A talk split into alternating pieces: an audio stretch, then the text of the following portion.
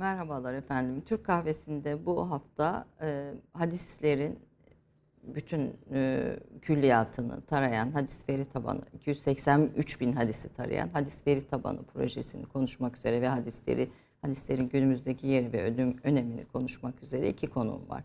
Birincisi bu projeyi Son Peygamber Info o sitesi e, başlığı altında 2016'dan bu yana hayata geçiren, sürdüren, büyük emek veren Meridyen Derneği Başkanı Melike Koç. Hoş geldiniz. Bir ikinci konuğum da Yavuz Ünal. 19 Mayıs Üniversitesi Rektörü, hadis konusunda kıymetli çalışmalarıyla bilinen Türkiye'nin en önemli hadis e, alimlerinden, ilahiyatçılarından hoş geldiniz diyorum efendim. E, bir tarafı akademisyenlik, bir taraf ilahiyat, ikisi bir, ikisi bir arada. E, ve, ve Yavuz Ünal Bey'in bir özelliği de Türkiye'de önemli hadis projelerine destek vermiş. Bunlardan birisi de Diyanet Vakfı, e, Diyanet İşleri Başkanlığı'nın Hadislerle İslam projesi. Bunu da daha sonraki süreçte konuşacağız ama öncelikle şu 283 bin hadis ben bir türlü böyle bir sayılara e, e, emin olamadım ama 283 bin hadis, hadis veri tabanı projesinde nasıl tarandı, niye böyle bir projeye ihtiyaç duydunuz ve biz günlük hayatın içinde bu projeden nasıl faydalanabiliriz, akademisyenler nasıl faydalanabilir? E, bunu bir e, Melikam'dan dinleyelim isterseniz projeyi başlatan e, olarak izin verirseniz. Ondan sonra bu projenin önemiyle sizden devam edelim hocam. Buyurun. Herhalde şöyle başlamam lazım. E, hadis veri tabanı e, büyük bir hayaldi bizim için. Hayalimizi birleştirdik bir anlamda ama onun öncesinde biz e, onu anlamak ve anlamak mottosuyla, anlatmak mottosuyla Efendimiz'i anlamak ve anlatmak istedik. Hı hı. Ve buna 2007 yılında e, Son Peygamber Info web portalıyla adım attık. Hı hı. E, bunun da sebeplerinden biri, tek sebebi değil, e, o zamana denk gelmesinin sebeplerinden biri 2005'in sonlarıydı hatırlarsınız. Evet. E, Danimarka'da ilk karikatür krizi patlak vermişti. Peygamberimiz Evet maalesef. Evet. Efendimiz'e hakaretler içeren hı hı. Ve bizi gerçekten derinden yaralayan e, karikatür krizi patlak vermişti. Bunun ardından da tabii haklı olarak İslam coğrafyasının farklı bölgelerinde e, farklı formlarda ve şiddette tepkiler oluşmuştu. Biz de o dönemde e, düşündük acaba biz ne yapmalıyız? Efendimiz'e, e, Peygamber Efendimiz'e hakaretler edilmiş. Tavrımız ne olmalı? Bunun üzerinde epey bir düşündük. Yani ne yapmalıyız, ne yapabiliriz noktasında. Ve şuna kanaat getirdik ki biz gerçekten Efendimiz'i tam anlamıyla anlayıp bütün dünyaya anlattığımızda ve onu yaşadığımızda tabii ki sünnet ve hadis çerçevesinde yaşadığımızda zaten gerekli cevabı vermiş olacağız bütün dünyayı diye düşündük. Ve 2007'de Son Peygamber Info web portalını açtık. E, portalımız halkımızın ne kadar böyle bir şeye teveccüh ve Efendimizle ilgili muhabbetinin derinliğini gösterir şekilde gerçekten ilk iki günde 3,5 milyon ziyaretçi aldı. Bu çok büyük bir rakamdı ve o dönemleri düşünün dijital platformun bu kadar yaygın olmadığı, internette bu tip İslami dijital yayıncılığın bu kadar yaygın olmadığı bir dönemde çok iyi bir e, teveccüh gördü. Ve biz o yıllardan bu yıla yani 2007'de Son Peygamber İnfo web portalını açtığımız yıllardan bu yıla Efendimiz'i anlatma gayretine farklı platformlarda hep devam ettik. Ama şeyi hiç kaybetmedik. Her zaman akademik birikimle ilgili internet kullanıcısı arasında bir köprü vazifesi Siz gördük. bir dijital platform oluşturdunuz evet, bunun için. Evet ama hep akademiye yaslandık. Akademiden destek aldık. O köprü olma vazifesini hiç bırakmadık. Akademiyle ilgili kullanıcı arasında. Ve Türkçe ile de sınırlı kalmadı Ayşe Hanım. Çünkü İslam coğrafyası sadece Türkiye değil. Evet. Ee, İngilizce, Rusça, çünkü Türkiye Cumhuriyetlerindeki Müslümanlar İngilizce bilmiyorlar, Rusça'ya hakimler. Rusça, Fransızca ve Almanca Avrupa'ya da hitap etmesi açısından farklı bölgelerine. Bu dillerde de yayın yapıyor Son Peygamber Info web portalı. Ve 15 yıllık süreç içinde elhamdülillah yıllık ortalama 2 milyon ziyaretçisi var. Müthiş bir şey. Evet çok memnunuz. Yani bu Efendimiz'i anlatabilmek derdimize cevap oluyor bu rakamsal değerler bizim için. Ve 160'ın üstünde ülkeden ziyaretçisi var. Çünkü e, biraz önce hocamla da konuştuk. Yani dijital dünyanın, internetin böyle bir gücü var. Evet, her yere ulaşabiliyor. Her yere ulaşabiliyorsunuz. İlgilisine, evet. meraklısına, Aynen, soranına, araştırına ulaştırabiliyorsunuz. E, 2016'da bu hadis veri tabanı projesi nasıl ortaya evet, çıktı? Şey, o 2007 ile 2016 arasındaki süreç bizi aslında bu noktaya getirdi. Şöyle ki, o süreci çok kısaca anlatırsam, Dijital platformda Efendimizin anlatmakla yeterli kalamıyorsunuz. Çünkü Efendimiz bir derya. Hani bilirsiniz Siyer'i her sene okursunuz. Her sene okuduğunuzda Siyer size başka bir boyutunu açar. Bu platform da öyle oldu bizim için. Sadece Efendimiz'i anlatan web portalıyla kalmadık. Ee, önünüzdeki matbu eserler de Evet. onları gösteriyor. Efendimiz'i farklı şekillerde anlatmanın imkanını ve örneklerini akademiyle ve yetkin isimlerle hep masaya yatırdık. Bu yeri geldi bir sempozyum oldu, yeri geldi bir atölye oldu veya bir yuvarlak masa toplantısı oldu. Ama şunu gördük ki onu sadece ilahiyat bilgisiyle değil, edebiyattan sanata, musikiden klasik sanatlara, görsel sanatlardan romana kadar, şiire kadar anlatmanın pek çok imkanı ve örneği var. Ve biz bunları çok uzun yıllar konuşmalı, tartışmalı ve örneklerini arttırmalıyız diye düşündük. Ve bu süreç içinde tam 2016'ya doğru gelişimiz işte böyle. Bu süreç içinde sosyal medya hayatımızda çok yaygın bir yer etmeye Ve başladı. güvenilir olmayan bir sürü Evet. bilginin dolaşıma girdiği Aynen bir, öyle. bir Aynen dünya. Öyle. Ve maalesef hadisler de bundan nasibini aldı. Ve maalesef Avrupa'nın oryantalist bakışın farkında olduğu bir şey vardı. İslam'ı coğra- İslam coğrafyasının bir araya getirici ana unsuru Peygamber Efendimiz. Baktığınızda İslam coğrafyası çok geniş ve bütün bu farklı kültürlerde ortak bir medeniyeti oluşturan şey sünnet ve sosyal ve kültürel hayattaki en büyük etkinin Efendimiz olduğunu bilen Batı maalesef Efendimiz'i önemsizleştirme, e, yani affınıza sığınarak söylüyorum değersizleştirme Evet. gibi bir yol tercih etti. Ve bu yolda sosyal medya hadis etiketi adı altında, hadis başlığı adı altında sayısız sözün, ifadenin serbest dolaşımda olduğu bir platforma dönüştü. Ve bir yandan da sadece sosyal medya değil, bir yandan da bazı isimler, bazı e, akımlar sürekli Efendimiz'i ve sünneti hayatımızdan çıkaran, sünnetsiz bir yaşam şeklini bize öneren bir akım oluşturdular. selefilikte tabii Evet. bir bir şey Besledi, olarak ve giderek besledi. güçleniyor da. Ve biz şuna inanıyoruz ki infodan var olan bir, bir kültür birikimimiz vardı bu platformda dini yayıncılık alanında.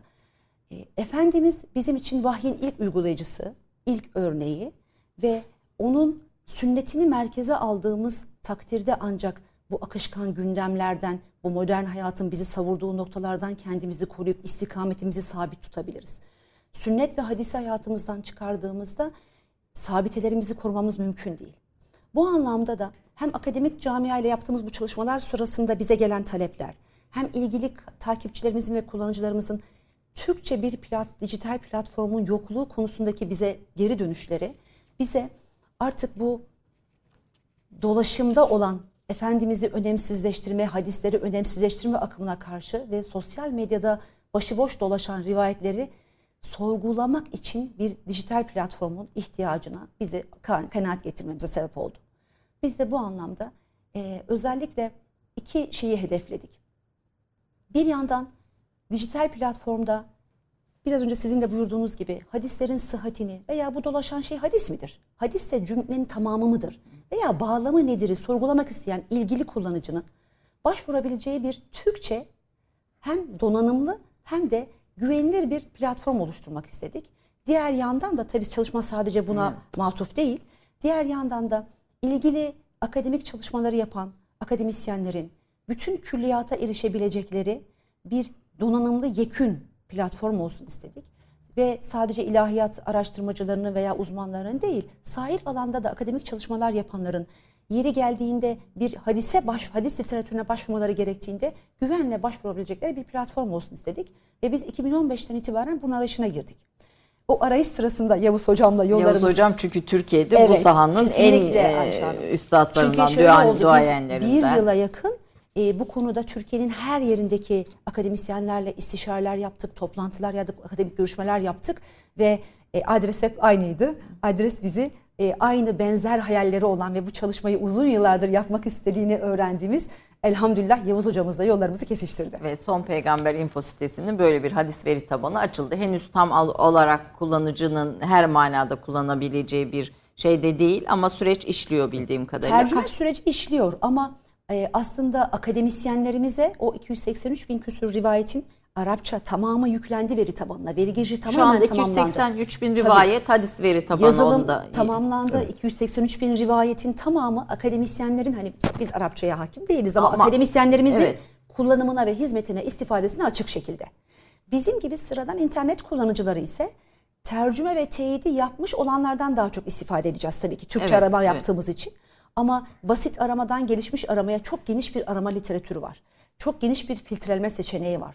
E, yapay zeka kullanıldığı için her tür kullanıcıya her kademede istediği ve e, aradığı aramanın sonuçlarını hadis anlamında verebilecek bir çalışma olacak Efendim tamamlandığında. burada şunu da Türk Kahvesi izleyicilerine söyleyelim. Bu kıymetli çalışma tamamen gönüllülük esası üzerine ve derneğin e, bağışçılarının kaynaklarıyla e, gerçekleşti. Bu anlamda da bir sivil toplum çalışması olarak son Bunu- derece kıymetli. Çok teşekkür Çoğu ederim. da hanımlardan oluşuyor. Onu da söyleyeyim. Altını Altını çizeyim. Proje başkanımız. Öyle ama yani hanımlardan Evet, oluşuyor. Burada kesinlikle. böyle Allah burada razı olsun. Hatırlatmanız şu anlamda çok iyi oldu Ayşem. Evet biz kadınlardan oluşan bir derneğiz ve kadınların akademiyle beraber işbirliği yaptığı bir STK olarak elhamdülillah bu yolda olmaktan çok memnunuz ve gerçekten çalışmanın çok önemli bir noktasını e, dikkat buyurdunuz. Çünkü bu akademiyle sivil toplumun çok önemli ve özel bir işbirliğiyle ortaya çıktı. Bu anlamda çok başarılı bir çalışma inşallah. He- işbirliği, amaç birliği, hedef birliği ve güzel bir entegre çalışma Allah çıkmış ortaya. Ve Tebrik ediyorum. Yer yer katkılarınızı bekleyerek Tabii. hocama o hadis veri tabanı projesi neden önemliydi? Hayallerimiz buluştu dedi Melike Hanım. Yani bu sizin için bir hadisci bir olarak, bir ilahiyatçı olarak neden bu kadar önemliydi? Ben öncelikle bu program için çok teşekkür ediyorum. Estağfurullah, biz böyle bir duyduk. e, böyle bir konuyu gündeminize almanız gerçekten çok değerliydi. Allah razı olsun. Rabbim kolaylaştırsın, vaktinizi de bereketlendirsin. Amin, Yani, e, amin. Dua etmek isterim yani bu konuda. Öncelikle e, işte bahsedilen süreç içerisinde yani son belki e, yarım çeyrek asır en azından yarım asır demek gerekiyor da e, Hazreti Peygamber, e, Hazreti Peygamberle beraber hadislerle alakalı bir algı değişimi, bir algı yönetimi ortaya çıktı. Öncelikle Hazreti Peygamber'in e, saygınlığına yönelik bir e, suikastin bilinçli bir hareketin var olduğunu görüyoruz. Yani burada bir suikast olarak tanımlıyorum bunu. Yani normalde kişinin kendisinin ulaştığı bir sonuç değil aslında yönetilen ve belirli bir merkezden sanki yönetiliyor gibi biraz sonra bir algı oluşturuluyor. Bir algı yönetimine gidiliyor. Ee, Hazreti Peygamber'e e, dolayısıyla hadislere olan saygı aslında kişinin durduğu yeri de belirliyor. Bunun nedeni ayet-i kerimeye baktığımızda veya farklı ayet-i kerimelere baktığımızda öncelikle e, mesela Hucurat suresinde Hazreti Peygamber'e bir saygının inşa ettiğini, ilişkinin düzenlendiğini ve bir saygının inşa edildiğini görüyorsunuz. Önüne geçmeyin, sesinizi yükseltmeyin, birbirinizi çağırdığınız gibi onu çağırmayın. Sonuçta bizim ilişkimizi yani ona iman edenle Hazreti Peygamber arasındaki ilişkiyi bizzat düzenleyen burada vahiy, bizzat düzenleyen ayet-i kerime. E, Buna e, sonraki konuşmalara e, merkez olması açısından yine bir ayet-i kerimedeki ifadeyle devam edeyim. Ayet-i kerime estağfirullah in kuntum tuhibbunallaha fettebi'uni yuhbibkumullah ve yağfir leküm zunubeküm diye devam ediyor. Allah'ı seviyorsanız, Allah da sizi sevsin istiyorsanız fettebi'uni bana tabi olun yuhbibkumullah. Allah da sizi sevsin. Bu aslında tam bir formül. Fakat e, bizim zihnimizde Hazreti Peygamber e, İslam'ın e, varoluşuyla bir Müslümanın varoluşuyla e, özür diliyorum İslam yanlış olur. Müslümanın varoluşuyla, duruşuyla, e, sabit ekseniyle, durduğu yerle bunu e, koruyabilmesi açısından, belirleyebilmesi ve sürdürebilmesi aç- açısından Hazreti Peygamberle ilişkisini düzenlemesi gerekiyor. Çünkü o bir üsve-i hasenedir. Yani rol modelidir. Benim ne yapmam gerektiğini, nasıl davranmam gerektiğini öğrenebileceğim burada tek şahsiyet. Yani vahiy bize taşıyan, vahyin e, beşer dünyasına temas ettiği, onun eliyle, onun üzerinden geliyor. Ve bu iki şekilde bize geliyor. Bir tanesi e, vahiy kendisine geldiğinde bunu e, hayata geçiriyor. Yani okuyor, okutuyor, anlatıyor, hayata geçiriyor. Dolayısıyla e, Kur'an ondan intikal ediyor ama Kur'an'la beraber Kur'an'a bir zemin oluşturan e, sünnet dediğimiz bir uygulama ortaya çıkıyor. Söz ve davranışları, Ee, yaşayışı. E, yani sözü burada e, bir parçası bunun ama esas olan şey orada uygulamanın kendisi. bu uygulamayı biçimlendiren bizzat vahyin kendisi ya da Hazreti Peygamber sallallahu aleyhi ve sellemin sözleriyle biçimiyor. Ve bunun tecessüm ettiği topluluk sahabilerin oluştuğu bir topluluk. Dolayısıyla buradaki metin, buradan ortaya çıkan metin, buna ayet, hadis hatta sahabe fetvasını da buna katmak gerekiyor. Çünkü literatürün içerisinde o da var. Bu dinin kurucu metini olarak bize geliyor. Yani bu metin önemli bir metin. Her şartta biz eğer bir revizyona gideceksek yani o şartlarda ne yapmamız gerektiğini, nasıl durmamız gerektiğini eğer e, anlayacaksak, böyle bir çıkarımda düşünce oluşturacaksak, fetva iştihatta bulunacaksak mutlaka o metinlere dönmek zorundayız. Dolayısıyla Hazreti Peygamber'e yönelik bu e, işte e, suikast, e, itibarsızlaştırma e, bu çaba e, bizim toplumumuzda farklı bir şekilde algılanıyor. Farklı bir şekilde yansıyor. Aslında buna sosyolojik olarak zemin oluşturan da bir şey var. Bir makas değişikliği var kültürel anlamda. İşte bir, bir buçuk asır geriye doğru gittiğimizde bir kültürel Batılılaşma hikayemiz. batılılaşma hikayemiz var. Batılılaşma hikayemiz bunu aslında e, kolaylaştırıyor. Bazen zorluyor aslında. Yani Hazreti Peygamber ya da hadislere karşı e, tavrı, farklı tavır, farklı tavırlar geliştirmeyi hem imkan sağlıyor, bazen de zorluyor. Yani farklı çünkü ona iman ettiğinizde, onu bir metin olarak, kurucu, esas metin olarak kabul ettiğinizde yaşadığınız hayatla çelişki içerisine düşmeye başlıyorsunuz. Bu önemli e, gelişmelerden bir tanesiydi. Son belki çeyrek asırda hayatımıza giren e, internet, e, bu dijital medyayı da hesaba kattığımızda e, şunu da Güven ortamı kayboldu. bir güven sorunu ortaya çıktı. Yani e, metinlere yani hadislere burada bir güven sorunu ortaya çıktı. Çünkü farklı şekillerde kullanılmaya başlandı.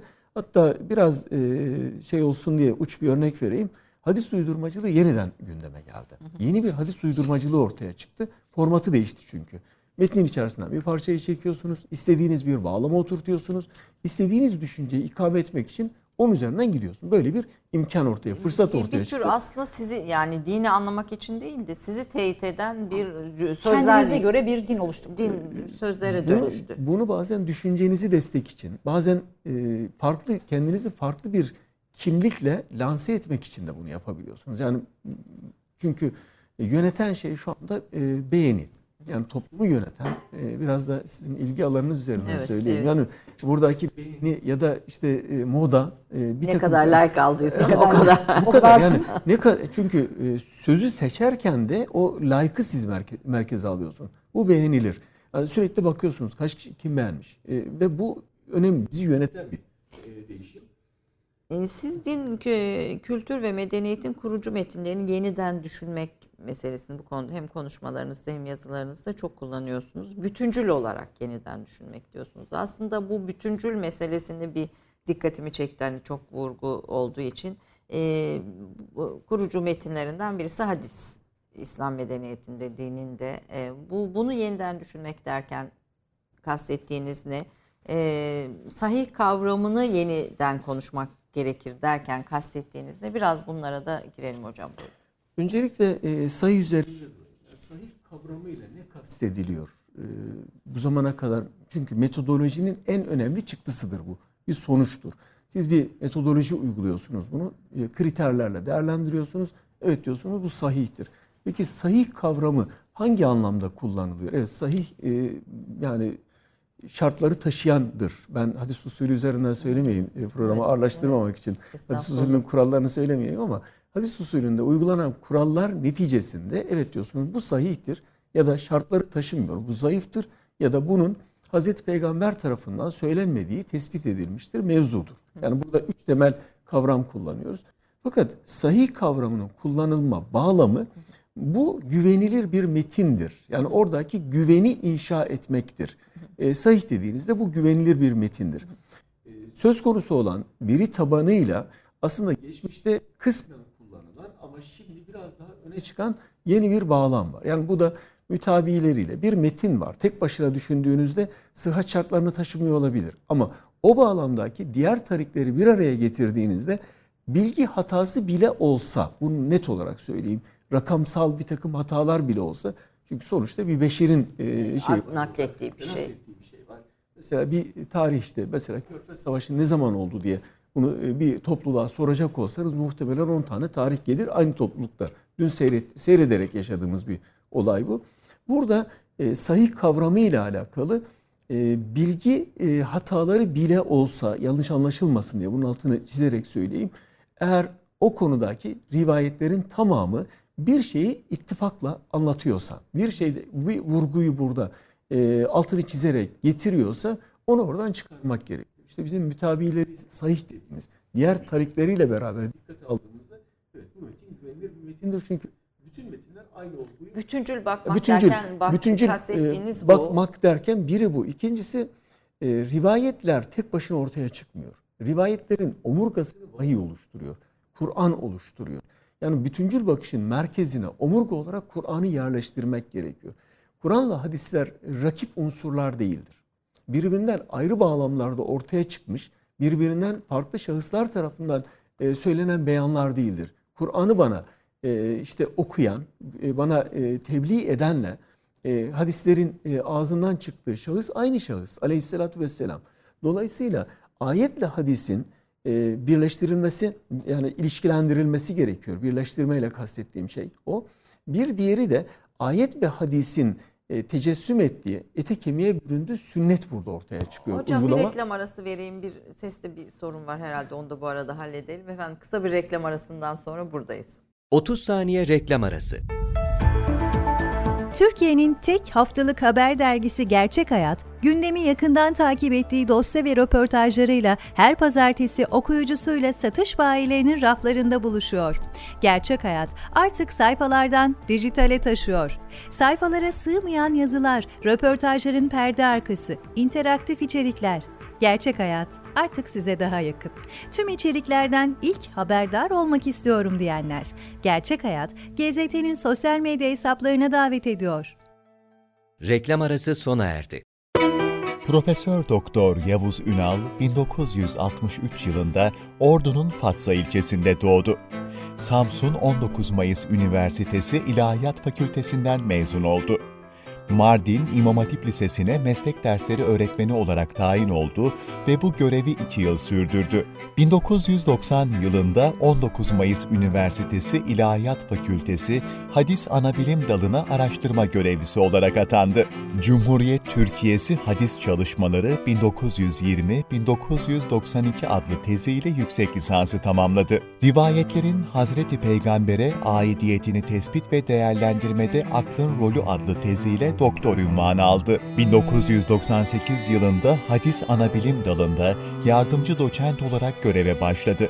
2002 yılında doçent, 2008 yılında da profesör ünvanı aldı. 2008'de Diyanet İşleri Başkanlığı Din İşleri Yüksek Kurulu'na seçilen Profesör Doktor Yavuz Ünal, 2015'e kadar devam eden görev süresince ARGE Kurulu Başkanlığı yaptı. 2009-2012 yıllarında 19 Mayıs Üniversitesi İlahiyat Fakültesi Dekanlığı, 2013-2016 yılları arasında Ordu Üniversitesi İlahiyat Fakültesi Dekanlığı görevlerini üstlendi. 2016-2017'de Diyanet İşleri Başkan Yardımcısı görevinde bulundu.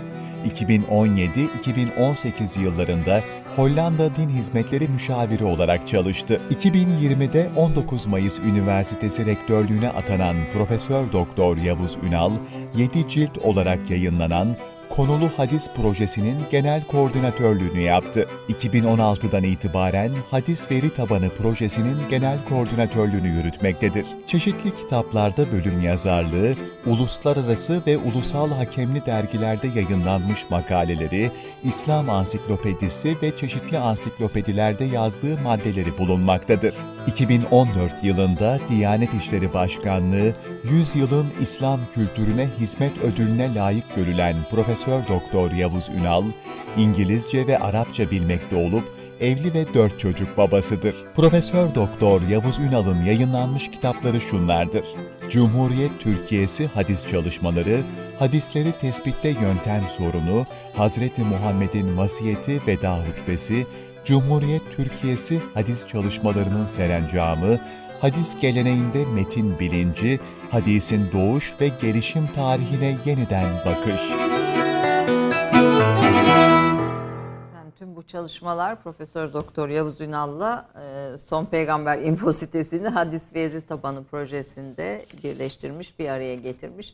Hocam e, reklama girmeden önce e, hadislerin sıhhatinin e, ve ona duyulan güvenin tesis edilmesinin toplum açısından neden önemli olduğunu ve hadislere bütüncül olarak nasıl bakılması gerektiğini anlatıyordu. Çok kısa oradan son notlarınızı e, alayım hocam. Ondan sonra da diğer çalışmalarınıza geçelim. Ee, özellikle e, hadise yönelik eleştirel e, söylemin e, yükselmesi e, biraz da mesnetsiz bir takım değerlendirmeler daha doğrusu çok özel konularda belki e, tek rivayet üzerinden bir algı inşası ya da metnin geneli üzerinde oluşturulan e, Şüpheler. e, şüpheler, metnin Hazreti Peygamber'in yetkisinin tartışılması, yetkisinin, misyonunun, dini değerinin, hadislerin dini değerinin tartışılması aslında yeni bir dönemi zorunlu kıldı. Yani bu bahsettiğimiz çalışmaları işte bir veri tabanını zorunlu kıldı, bütüncül bakışı zorunlu Bu kıldı. veri tabanında e, önemli olan bir defa dijitalde bunun erişilebilirliğinin. Hadis külliyatının hadis dijital küll- platforma Bütün aktarılmış hadis olması. külliyatı aktarıldı mı bu şeyin içinde? Ee, şöyle bütün klasik bütün kaynaklar aktarıldı. Yani e, sadece klasik kaynaklarla işte düşünce gelişimini sürdürdüğü için yani sadece klasik kaynaklarla yetinilmedi. Bu sefer üçüncü belki üçüncü el e, kaynaklarda hatta hadis olup olmadığı bilinmeyen rivayetler de sisteme yüklenmek suretiyle bunların hadis olmadığı bilinsin. Yani evet böyle bir şey hadis olarak dolaşıyor ama bu hadis değildir. Siz Bunun bu da- hadis e, o- ol- olmadığı bilinsin sözünüzün altını çizmek istiyorum. Çünkü sahih olmayan diyeceğim. Hani doğruluğu e, teyit edilmemiş rivayetlerin de İslam kültürü açısından önemli olduğunu söylüyorsunuz. Bunlar hadis olmasa da yani hadis değil, peygamber sözü değil ama biz bunlara da İslam kültürü çerçevesinde dikkate almalıyız diyorsunuz. Bir peygamber sözü olarak değil tabii ki. Kesinlikle. Yani Kültürü özellikle kültürü biçimlendiren hatta buna belki biraz daha rahat davranmak gerekiyor. Mevzu olanların bile hadis olmadığı bilen bilinen o metinlerin bile ortaya çıktığı bir bağlam var. Metnin tedavüle çıkabilmesi için o bağlamda gerçekçi beyanda bulunması gerekiyor. Bir takım verileri taşıması gerekiyor. Aksi takdirde tutunma şansı yoktur. Bu biraz e, sahte paraya benziyor. Yani sahte paranın benzetilmesi gerekiyor ki tedavüle çıkabilsin. Yani e, uzmanlar bunun sahte olduğunu anlar ama insanların elinde, elinde bu para e, dolaşabilir. Hani e, mevzu rivayetler de böyle bir şey. Yani benzetilmek zorunda. Ama neden uyduruldu dediğinizde işte burada o neden sorusu burada önemli Peki olan şey. bu hadis uydurmacılığı nasıl başlıyor hocam? Neden, ne zaman başlıyor? Bu yeni bir unsur değil yani sosyal medya bunun tabii şey hani şu an daha çok görünür olduğu alan ama bu tarihin ilk zamanlarından beri me- mevcut olan bir şey. E, Hadis uydurmacılığı aslında hadis olgusunun ortaya çıktığı andan itibaren konuşulan bir şeydir. Yani bu Hazreti Peygamber dönemi de buna dahil e, konuşulan bir şeydir. E, o dönemde uydurma olduğu söylenen e, metinler de var. O dönemde ortaya çıkan. Ama e, şart dönem dönemlerin şartları burada şeyi değiştiriyor. Biçimini değiştiriyor. Mesela sondan gidecek olursak e, sosyal medya aslında bugün e, modern bir uydurmacılık hakim. Hadis uydurmacılığı hakim. Olmayan bir metin uydurmak bu başka bir şey. Bir metnin, e, var olan bir metnin koparıp. itibarını yükseltmek için ona olmayan bir kaynağı atfetmek de bir böyle bir şeyin e, sözün hadis olarak biliniyor. Böyle bir söz. Onun altına Buhari bilmem ne yazdığınızda bir anda anlamlı hale geliyor. İşte müttefakun aleyh dediğin, sahih bir hadis dediğinizde bir anlamda e, farklı bir bağlama oturtmuş oluyoruz. Metne bir değer atfediyoruz aslında. Ait olmadığı bir bağlama oturtmak suretiyle ona bir etki gücü, yaptırım gücü biz ona e, nispet etmeye başlıyoruz. Bunun farklı zamanlarda işte e, ortaya çıkan farklı boyutları var ama Hazreti Peygamber döneminde aslında e, hadis uydurmacılığı ihtimalinin var olması hadis metodolojisinin ortaya e, uygulanmasını zorunlu kılan bir unsur. Bu e, birbiriyle doğrudan ilişki.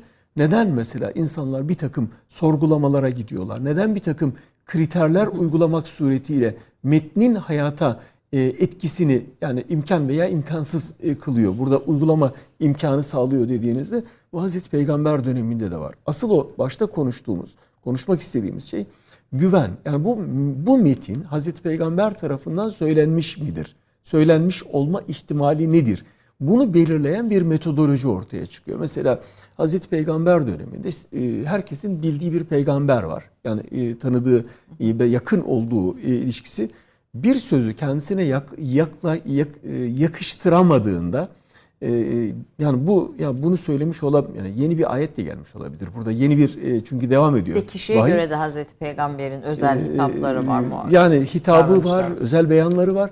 Mesela bu sefer kalkıyor, yani böyle bir şey, e, senin böyle bir şey söylediğin söyleniyor. Ya da senden böyle bir şey sonraki şeyin ifadesiyle rivayet ediliyor diye. Ve e, bizzat Hazreti Peygamber'in kendisine doğrulatılıyor. Dolayısıyla Hazreti Peygamber'in kendisine doğrulatılma ihtimali Hazreti Peygamber'in hayatta olduğu e, dönemde e, hadis uydurmacılığını imkansız kılan temel unsurlardan bir tanesi. Çünkü bizzat kendisine bunu Soruyor. sorabiliyorsunuz ya da o e, olay nerede gerçekleştiyse orada bulunan insanlar hayattalar. O insanların Teyit edebiliyorsunuz teyit- yani. bir şekilde teyit alıyor orada. Yaptığı şey bu. Aslında yaptığı, yapmak istediği şey güveni tesistir. O metnin güven, metnin bağlayıcılığını sorgulamıyor aslında. Belki anlamını neyi kastetti diye burada hani e, sorulacak şey ikincisi bu ama neyi kastetti bunu söyledi ama bununla neyi kastetti dediğinizde bağlama bakmak zorundasınız. Dolayısıyla metinler e, farklı raviler, her ravi değil, farklı raviler söz konusu bağlamı taşıyabiliyor. Ya da bağlamın bir parçasını taşıyabiliyor. O rivayeti anlayabilmek için bu bağlama ihtiyacımız var. Bu bağlamı inşa edebilmek açısından da, o resmi inşa edebilmek açısından da benim diğer tarikleri görmem gerekiyor. Birinin yanlış anladığını bir diğeri çok rahatlıkla tasih edebiliyor. Sonraki yüzyıllarda ama bu imkan ortadan kalkıyor Ee, tabii. sonraki yüzyıllarda yalnız ilim geleneğinde şöyle bir e, gelişme yaşanıyor. Ee, rivayetler önce muhafazası burada hıfzı ve muhafazası esas alınıyor. Ee, arkasından bunların kitabeti, yazılması ve bunların bir araya getirilmesi. Bir araya getirilirken de getirme biçimi bazen söylem odaklı olarak yani bunun fıkhi bir karar olarak da düşünebilirsiniz, bir görüş olarak da e, düşünebilirsiniz. Ama bir söylem e, odaklı olarak bir araya toplanıyor. İşte mesela bir Buhari'yi okumaya kalktığınızda Buhari'yi e, bab başlıklarıyla beraber okumak zorundasınız. Çünkü bab başlıkları onu yönlendiriyor. Neyi kastettiğini, o hadislerden neyi anlaşılması gerektiğini işte manşet gibi düşünün bunu. E, bab başlıklarıyla bize söylüyor. Bab başlığını okuduğumda babın altındaki hadisleri Dolayısıyla doğru okuyorum. Dolayısıyla doğru bir yere yerleştiriyorum. Bu bir bütüncül bakış dediğimiz şey orada. Rivayetlerin taşıdığı bilgiler, bilgi kırıntıları bir araya getirilmek suretiyle ana resmin inşasının mutlaka gerçekleştirilmesi gerekiyor. Bunun farklı zamanlarda, farklı bağlamlarda, farklı şahıslar tarafından değişken olması da aslında bir nimet. Yani buradan hani Buhari'ye bunu Buhari baktığında kendi şartlarında böyle inşa etti. Bugün aynı şeyi yaptığınızda siz farklı bir şey söyleyebilirsiniz. Çünkü metinden siz bir Müslüman, Müslüman bilinci, Müslüman zihniyle o metni farklı okuyorsunuz. Farklı bir başlık E, e, çıkartabilirsiniz. farklı- Çok zaten çıkarılması gerekiyor. Hadis veri tabanının en Yaptığımız- önemli yönü de bu zaten. E, yani 283 bin gibi, 280 bin gibi bir rivayetten e, 5200, 5199 tam rakam. Şu andaki rakam ama değişiyor. Sürekli çalışarak bir kısmı birleştiriliyor. Yeni başlıklar atılıyor. Ama buradaki en önemli şey o metini e, okuduğunuzda bu metin hangi konuda aranır? Mesela bunu bugünün insanı, bugünkü sorunlarla e, yaşayan insan hangi başlıkta, hangi bağlamda bu rivayeti görmelidir diye düşünüyorsunuz ve ona göre yeniden bir başlık atıyorsunuz. Burada üç kademesi var. Birisi Melike Hocam'ın da bahsettiği Arapça metinler e, başlık olarak tasnif edildi, Türkçe başlık olarak tasnif edildi ama e, bu takdir ederseniz yani 280 bin rivayetin e, bunlar da hala hareket halinde. Yani buradan alıyorsunuz oraya koyuyorsunuz. Bir başlığın Sürekli altında dinamik işleyen de bir süreç e, yani. Tasnif devam ediyor Tasnif yani. devam. Devam yani tasnif, tercüme, teyit bunların tamamı devam ediyor.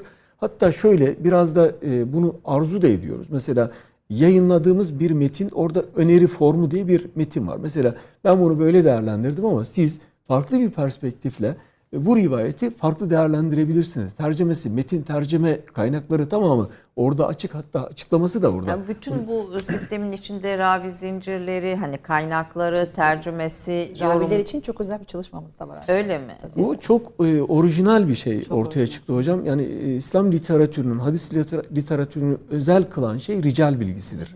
Yani o ansiklopedi yani sadece metni taşımıyor. Bu metni kimlerin taşıdığını, kimin kimle nasıl bir ilişki içerisinde olduğunu da ortaya koyuyor. Bu bizim geçmişte tez konumuzdur. Yani yüksek lisans doktora yaptığımız tez konusudur. İşte falancının rivayetleri, rivayetlerinin tahrici. Şu anda bir infografik oluşturmak suretiyle sistemde e, şunu önemsiyoruz. Yani bu e, şey buraya onun için geldi. Bu metin kimler tarafından geldi? Mesela Hazreti Peygamber sallallahu aleyhi ve sellem'den bunu kaç kişi işitti? Mesela işte aşağısı Ebu Hureyre bir, bir kanal oluşturdu. Enes bin Malik, Cabir bin Abdullah. Bu sefer o metinler arasında o kanalla gelen metinle bu kanalla gelen metini kıyaslamak suretiyle evet diyorsunuz muhtemelen şöyle bir bağlam vardı bunun veya oradaki birinin taşıdığı bilgiyi öbürü taşımıyor. O farklı bir bilgi veriyor. Bazen çelişik oluyor bilgi. Bu çelişki de aslında nimet. Yani evet diyorsun burada bir ittifak yok. Siz öyle diyorsunuz zaten, görüyorsun. rivayetlerin Bu- muhtelif burada burada nimet. bu bir nimettir diyorsunuz. Bir diğeri de biraz önce e, sorduğunuz sorunun devamı açısından e, İslam dönemi, İslam tarihinde e, farklı dönemler var. Metinler açısından baktığımızda farklı dönemler var.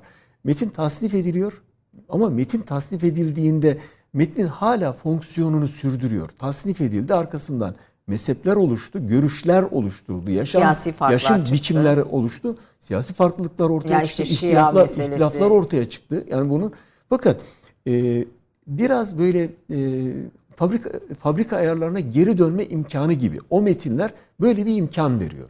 Yani siz bugün e, bir düşünce oluşturuyorsunuz, görüş oluşturabiliyorsunuz.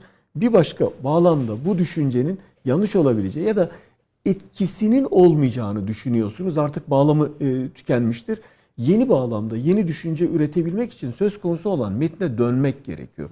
Metni yeniden okumak gerekiyor ama okurken burada e, kısıtlanmış bir bilinçle e, okunursa ya da biraz ideolojik olarak e, kilitlenen bir beyinle okunursa farklı sonuçlar ortaya Yani çıkacak. siz aslında e, bugün yaşanan sorunların çözümünün de biraz bu metinlerin yeniden okunmasında, farklı bir bakışla yeniden okunmasında yattığını düşünüyorsunuz. Doğru Kesinlikle söylüyorum? doğru. Yani bu tasnif süreci hocamın bahsettiği o yüzden çok kıymetli.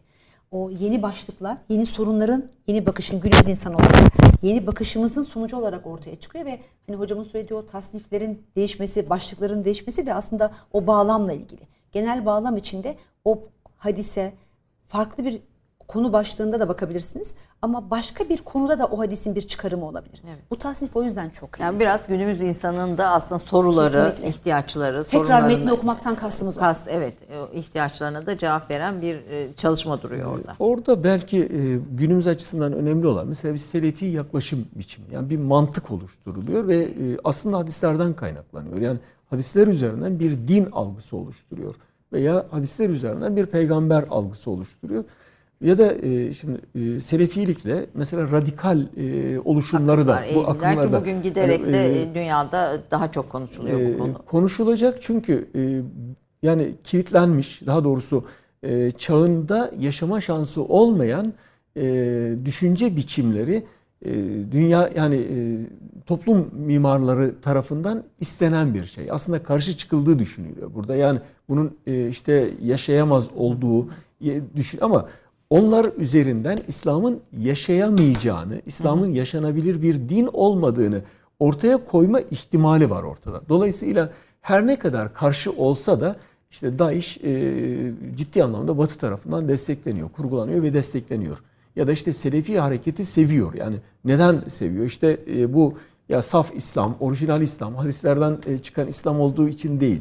Bu haliyle modern Müslümanın, modern dünyada yaşayan Müslümanın e, algısına hitap etmiyor. Onunla buluşmayacaktır. E, e, ufku ki, e, ufku kaynaşmayacaktır onunla. Dolayısıyla her ne kadar e, istenmediği, işte ötekilendiği düşün, düşünülecek, söylenecek olsa da aslında e, temel aktörler tarafından, hakim güç tarafından bunun sevildiği görülüyor. E, Biraz da çağın ruhu e, böyle e, her şeyi bağlamından kopartıp e, algılam pa- parçalayarak, dağıtarak algılamayı beraberinde getirdiği için Şimdi bu sitede bir İslamofobiye karşı bir duruş görüyoruz bu çalışmada. Yani Hazreti Peygamberimizin e, yaşamının, hadisin ve sünnetin hayatımızdan çıkarılmasına karşı bir şey görüyorsunuz. Bir bilimsel Evet, aslında. bir bilimsel e, şey e, reaksiyon demeyelim, bir cevap görüyoruz aslında bunun ne kadar önemli olduğuna dair.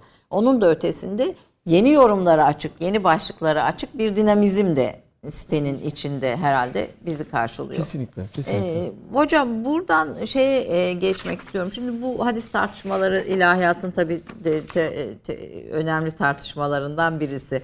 E, sahih değil işte e, ifsad edenler, savunanlar filan hani bu böyle uyduranlar hadis uydurmacılığı bir saha. Ama ben biraz daha bizim Cumhuriyet tarihimizdeki hadislerin sizin konuşmaya başlarken dediniz ya batılılaşma ile birlikte biz aslında bir zemini kopartmışız. Bu sizin kitaplarınızdan birisi. Cumhuriyet Türkiye'sinde hadis çalışmaları üzerine iki tane de eseriniz var. Ee, ben o kitapları bulduramadım ama hani onunla ilgili bir makaleden de yola çıkarak biz e, özellikle 20'den sonraki 23'ten sonraki döneme de bakarak çünkü batılılaşma çok daha önceden başlıyor ve Osmanlı son dönem son döneminde hadis çalışmaları bir inkıtaya uğruyor. Yok yani çok da fazla bir elimizde kaynak yok. İndirgenerek yani okunmaya başlıyor öyle söyleyeyim. Yani son dönemde aslında indirgeniyor. Mesela e, hadis kaynakları orijinal kaynaklarından orijinal şey olarak takım olarak okunmuyor. Yani belirli kısımlar okunuyor. İşte e, Buhari ve Müslim'in ittifak ettiği rivayetler gibi e, işte e, işte Riyazu Salihin gibi bu döneme Ramuzül Ehadis gibi bir, bir takım metinler okunmaya başlanıyor. Orada e, sözünüzü kestim yani akış açısından ama sadece bir noktaya e, dikkat çekmek isterim. E, orijinal kaynaklar bütüncül bir bakışla e, mutlaka yani bilginler tarafından, alimler tarafından mutlaka okunmalıdır. Yani bu işin ilmini yapan insanlar tarafından okunmalıdır. E, klasik metinlerden seçilerek e, okunan rivayetlerin, hadislerin, seçkilerin yani 40 hadis, işte 101 hadis, 1001 hadis gibi bir takım seçkilerin kesinlikle modern dünyada e, derde deva olmayacağını düşünüyorum. Özellikle ulema yetiştireceksek bunun orijinal kaynaklarının kaynakların ve farklı perspektiflerle okunması gerekiyor. Yani tek bir perspektif, farklı perspektif derken yani e, farklı bakış açılarını kastediyorsunuz ama burada hani örneklendirin isterim çünkü bu farklı bakış açıları deyince çok şey e, söyleyebiliriz. Şimdi şöyle e, mesela e, sosyoloji yani şey üzerinden. Bilimler üstü- Hani bilimler üzerinden sosyoloji, psikoloji, felsefe ve Antropoloji benzeri belki. antropoloji, arkeoloji yani burada mutlaka dikkate alınması gerekiyor. Şimdi bir metini sadece Arapça e, Arapça bir metnin çözümü olarak okumamak gerekiyor. Yani Arapça yani işte bunun Kültürler arası ve e, disiplinler arası. disiplinler arası, Arası. e, disiplinler arası bir perspektifle okunması gerekiyor. Çünkü o metni ortaya ortaya çıkaran bir bağlam var. O metni inşa eden bir zihin var. Yani sonuçta bir insan tarafından Evet, bu. bir felsefesi bir var. felsefesi Bir var bunun. dünya görüşü yani var. o insanın felsefesini mesela bir Buhari üzerinden düşünecek olursa yani Buhari'yi tanımadan yani Buhari'nin sahihini anlamak çok kolay bir şey değil aslında. Çünkü onu inşa eden onun beyni. Buhari'nin yaşadığı bağlamı, tarihsel bağlamı bilmeksizin hangi fıkhi tartışmaların, hangi siyasi ideolojik e, çatışmaların yaşandığını, mezheplerin arasındaki ilişkiyi anlamadan Buhari'yi okumak mümkün değil. Dolayısıyla farklı perspektifler derken önce bir perspektif geliştirmek gerekiyor. Yani o dönemi bilmek gerekiyor. Eserin türünü bilmek gerekiyor ve bu metnin nasıl okuyacağın, okunacağını da bir ilim olarak tevarüs etmek gerekiyor. Yani kendi kendine bu mesela bir babın altında dört tane rivayet var. Dört tane rivayetin kendi arasında bir ilişki var. O rivayetin herhangi birisini çıkarıp asıl metin olarak kullanamazsınız. Usul açısından kullanamaz. Ama biz bunu kullanıyoruz. Yani işte Buhari'de geçiyor. Buhari'de geçiyor ama bir sonraki rivayet bunun farklı bir bağlama çekiyor. Yani çelişiktir demiyorum. Bazen zıttını söylüyor ama çelişki değildir o. Çünkü bir anlam inşa ediyor. Anlam inşa ederken beyazın yanına siyahı koyuyorsunuz ve bir harmoni oluşturuyorsunuz renkler arasında. Burada da yani Buhari, Buhari'nin oluşturduğu bağlamı hangi dönemde çıkarsa çıksın yazarı, yazarın niyetini bilmek gerekiyor. Yazarın buradaki hani bunu okumadan Aslında hem bir tarihsel bakış açısını burada öneriyorsunuz. Ee, hem yani- bir sosyolojik bakış açısını öneriyorsunuz. Hem de yani antropolojik yani bakış açısını. Ee, yok saymayalım. Yani bütün bunları hani yok saymayalım e, de, bütün metinleri bir bütüncül olarak bakarak oradan başka bir anlam inşa edelim diyorsunuz. Doğru mu anladım? Zihin kendiliğinden çıkaracaktır bunu. Çünkü burada yaşıyor. Bu toplumda yaşıyor. Evet. Ee, Ben o metni okuduğumda mesela e, işte hepimizin yaptığı şey bir makale okurken aslında makalede yazarın söylemediği bir şeyi e, oradan ilham alarak ben burada yeniden inşa ediyorum. Bu zihnin e, temel e, özelliğidir. Yani bunun sizin Evet, birikiminizle biz bugün başka bir şey çıkartabiliriz. e, Başka çok bir rahatlıkla o aslında o metin bunu söyledi mi söylemedi aslında ama ilham etti. E, karşılaştırma imkanı sağlıyor bize. Tabii Diyanet İşleri Başkanlığı'nın sizin de içinde olduğunuz ve birçok insanın da katkı verdiği, yazarın, e, bilim adamının katkı verdiği hadislerle İslam kitabı da bir şey, bir adımdı. O da o, o- Bu önemli bir adımdır. Yani e, burada belki bir e, rivayetleri toplamaktan ziyade mevcut rivayetlerin içerisinde bir metin inşa etmesi açısından belki son 100 yılın e, önemli bir metin inşa çalışmasıdır. Nasıldır? Metin üretme e, çabasıdır ve bir hedefi vardır, bir hedef kitlesi vardır. Ama Son Peygamber info sitesi bağımsız bir sivil oluşum olarak dijital platformda bize daha genişte ve daha farklı, geniş demeyelim, daha farklı bir çalışma sahası da veriyor. Bütün akademisyenlere herhalde. Bütün Burada kullanılan rivayet sayısı 25-26 bin civarında bir rivayet kullanılıyor. bizde Ya 283 burada bin. yani rivayet olarak ne varsa yani bu rivayet deniyorsa hangi kaynakta bulunuyorsa o rivayete oraya girmek aradığınızda bunu mesela e, hadiste geçmeyebilir kelime ama e, yapay zeka dediğimiz şey oydu zaten orada kullandığımız şey. Mesela bu hadisi şu konuyu arayan, şu kelimeyi arayan bu hadisi Mesela bulsun. ben sabır kelimesini Ee, arıyorum veya ne bileyim işte e, şükür kelimesini arıyorum veya daha bambaşka bir kelime arıyorum. Yaratılışla ilgili bir şey arıyorum. Bunu girdiğimde bu kelimeleri girdiğimde hadisveritabani.org'a giriyorsunuz. Arama butonuna bunu yazıyorsunuz ve önünüze e, tabii bu 40 kaynak değil mi hocam? 40 civarı kaynak mı Ee, kullandık? Yok şu anda 176 tane Oo, kaynağımız temel var. hadis Yani kaynakları olarak e, 33 temel 33, 33, hadi temel hadis hadis kaynağı, kaynağımız var. Tali kaynaklarla Tali beraber. kaynaklarla beraber. küsür. Oradaki bütün o kelimenin geçtiği hadis önünüze düşecek. Ama siz eyvah bunlar çok fazla bunu daraltayım derseniz zihninizde olan o metnin ikinci kelimesinde yazarsınız. İşte sabır kadın dersiniz. Sabır ticaret dersiniz.